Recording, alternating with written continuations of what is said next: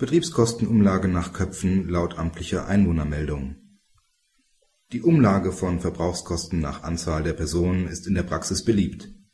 Der Rückgriff auf die amtlich gemeldeten Personen ist jedoch nicht ausreichend. Im aktuellen BGH-Fall ist im Mietvertrag vereinbart, verschiedene Betriebskosten nach der Anzahl der Mietparteien umzulegen.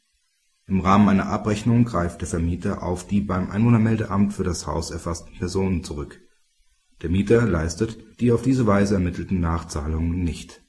Der BgH sieht dafür auch keine Veranlassung. Die Betriebskostenabrechnung ist nicht ordnungsgemäß erstellt. Die Umlage von Kosten nach der Anzahl der Nutzer ist zwar zulässig, auf die beim zuständigen Einwohnermeldeamt für das Gebäude erfassten Personen darf hingegen nicht zurückgegriffen werden. Die dort erfassten Daten sind, wie die allgemeine Lebenserfahrung zeigt, nicht immer zutreffend Maßgeblich sind die sich tatsächlich in dem gegenständlichen Mietshaus aufhaltenden Personen.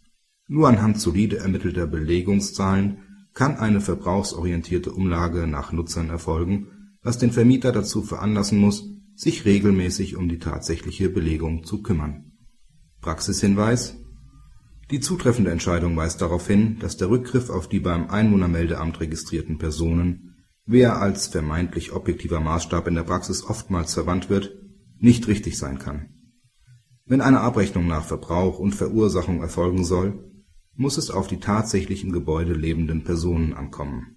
Aber auch wenn man diesen Maßstab mit dem BgH zugrunde legen will, sind praktische Abwicklungsschwierigkeiten noch nicht gebannt. Denn es ist Streit vorprogrammiert etwa in der Frage, welche Personen in welchem Zeitraum im Gebäude gewohnt haben. Insbesondere die Dauer von Besuchen der Zuzug einzelner Personen oder die Geburt von Kindern führen immer wieder zu Meinungsverschiedenheiten. Man versucht dem durch Stichtagserfassungen zu begegnen.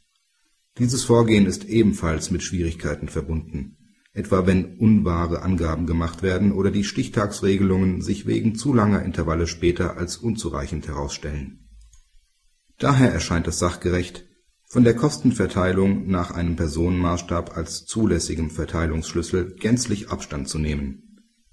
Der Vermieter wird dadurch freilich keineswegs rechtlos gestellt, weil er die Wohnung mit Messgeräten versehen lassen kann. BGH Urteil vom 23.01.2008 8 ZR 82 aus 07 Beck RS 2008 02881